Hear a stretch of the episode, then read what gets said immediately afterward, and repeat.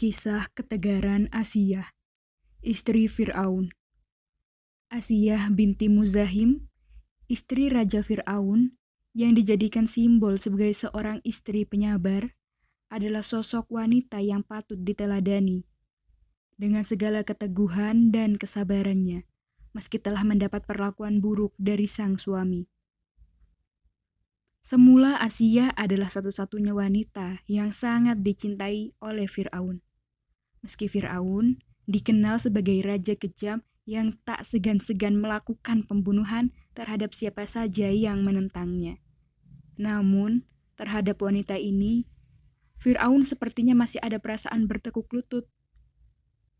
Kepada wanita ini, Firaun rela mempersembahkan apa saja sebagai bukti rasa cintanya termasuk salah satunya adalah mengangkat Musa sebagai anak angkat atas permintaan Asia, yang sebenarnya kelak akan menjadi musuhnya sendiri. Disebutkan bahwa Asia memang seorang wanita yang begitu cantik. Kecantikan wajah yang dimiliki juga diimbangi dengan keluhuran budi yang mulia. Maka tak heran jika Fir'aun mau memberikan segalanya kepada istrinya itu.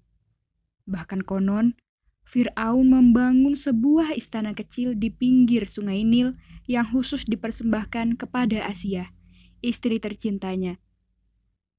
Di awal-awal kehidupan berumah tangga, tentu Asia masih bisa merasakan kebahagiaan sebagai istri seorang raja.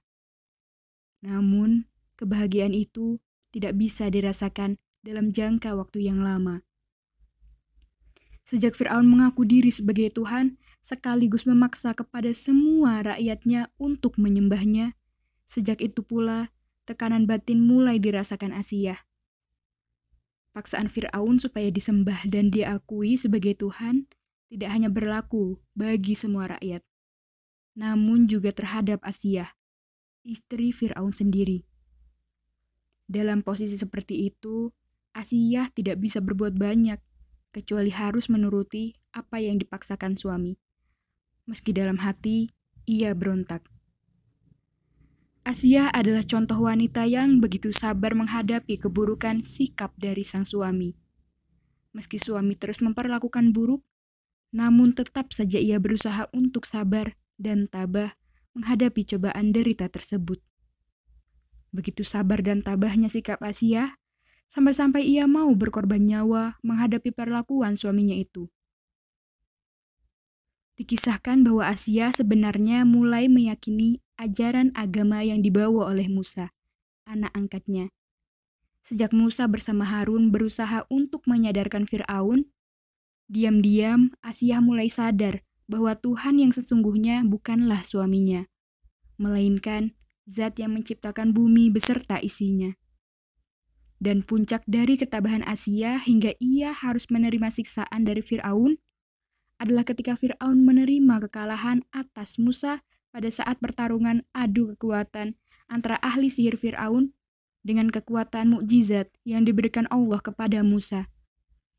Ternyata, Asia yang telah menyaksikan jalannya pertarungan sihir tersebut mendapat hidayah dari Allah atas peristiwa itu dan langsung beriman kepada Tuhannya Musa. Bertahun-tahun lamanya, ia memendam ketidakpercayaan terhadap suaminya yang mengakui sebagai Tuhan. Kini, wanita tersebut menjadi sadar bahwa ada Tuhan yang sesungguhnya. Peristiwa yang baru disaksikan adalah sebuah bukti dari kekuasaan Allah yang mampu membuka mata batinnya untuk menerima keimanan sebagai pegangan hidup. Seketika itu, Asia menyatakan diri sebagai Muslim. Bahkan dia juga berani berterus terang kepada Firaun. Fir'aun pun murka dan menjatuhkan hukuman kepadanya. Para algojo diperintahkan Fir'aun untuk segera melakukan penyiksaan kepada Asia yang olehnya dianggap murtad itu. Tubuh Asia ditelantangkan di atas tanah di bawah terik sinar matahari. Kedua tangannya diikat kuat-kuat ke tiang yang dipatok ke tanah agar ia tak dapat bergerak-gerak. Wajahnya yang telanjang dihadapkan langsung ke arah sinar matahari. Asia pastilah tidak akan tahan akan sengatan panas matahari, dan akhirnya ia akan mengubah keimanannya kepadaku. Demikian pikir Fir'aun.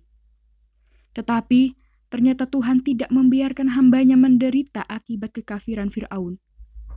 Setiap kali para algojo meninggalkan Asia dalam hukumannya, segera malaikat menutup sinar matahari itu. Sehingga langit menjadi teduh, dan Asia tak merasakan sengatan matahari yang ganas itu. Asia tetap segar bugar, meskipun sudah dihukum berat. Kemarahan Fir'aun terhadap Asia semakin memuncak manakala Asia tetap pada pendiriannya dan lebih memilih mempercayai akidah yang dibawa oleh Musa dan Harun.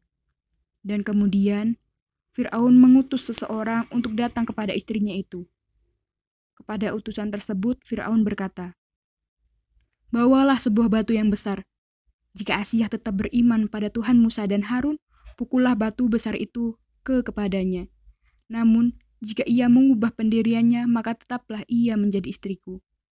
Maka pada saat utusan tersebut sampai kepada Asia, Istri Firaun ini sedang mendongakkan kepalanya ke langit. Untuk selanjutnya ia berdoa kepada Allah. Al-Quran pun mengabadikan doa tersebut dalam sebuah Al-Quran. Dalam ayat Al-Quran, surah At-Tahrim ayat 11. Dari Abu Hurairah radhiyallahu anhu bahwa Rasulullah shallallahu alaihi wasallam bersabda, Sesungguhnya Fir'aun mengikat istrinya dengan besi sebanyak empat ikatan pada kedua tangan dan kedua kakinya. Jika ia telah meninggalkan Asia terbelenggu, maka para malaikat menaunginya. Ketika itulah ia berdoa kepada Allah. Rabbi benili indaka baitang fil jannati wa najjini min fir'auna wa amali wa najjini minal qawmi zalimin. Ya Robku, bangunlah untukku sebuah rumah di sisimu dalam syurga dan selamatkanlah aku dari Fir'aun dan perbuatannya dan selamatkanlah aku dari kaum yang zolim. At-Tahrim ayat 11 Kemudian diperlihatkan untuknya tempat tinggalnya di dalam syurga. Utusan Firaun itu mendekat dan menanyakan perihal keimanan yang dipegang teguh Asia. Wanita ini dengan tegarnya menjawab bahwa dia tetap dalam pendiriannya, mengakui bahwa ajaran yang dibawa Musa dan Harun adalah ajaran yang benar. Asia menyatakan dengan tegas bahwa tiada Tuhan selain Allah. Sesuai dengan perintah Firaun, utusan itu pun langsung mengangkat batu besar yang akan dipukulkan kepala Aisyah. Namun, sebelum batu tersebut mengenai kepalanya, terlebih dahulu Allah memerintahkan kepada malaikat Israel untuk mencabut nyawa wanita mulia ini. Dengan demikian, Asia selamat dari siksaan pukulan batu yang akan dibenturkan oleh utusan Firaun. Baru setelah tubuh Asia ambruk tak bernyawa lagi, utusan itu langsung membenturkan batu besar ke kepala Asia hingga kepalanya berlumuran darah. Subhanallah, begitu tegar hati Asia dalam mempertahankan keimanannya. Sungguhlah pantas jika Allah mengabadikan kisah kesabaran dan ketabahan Asia di dalam Al-Quran.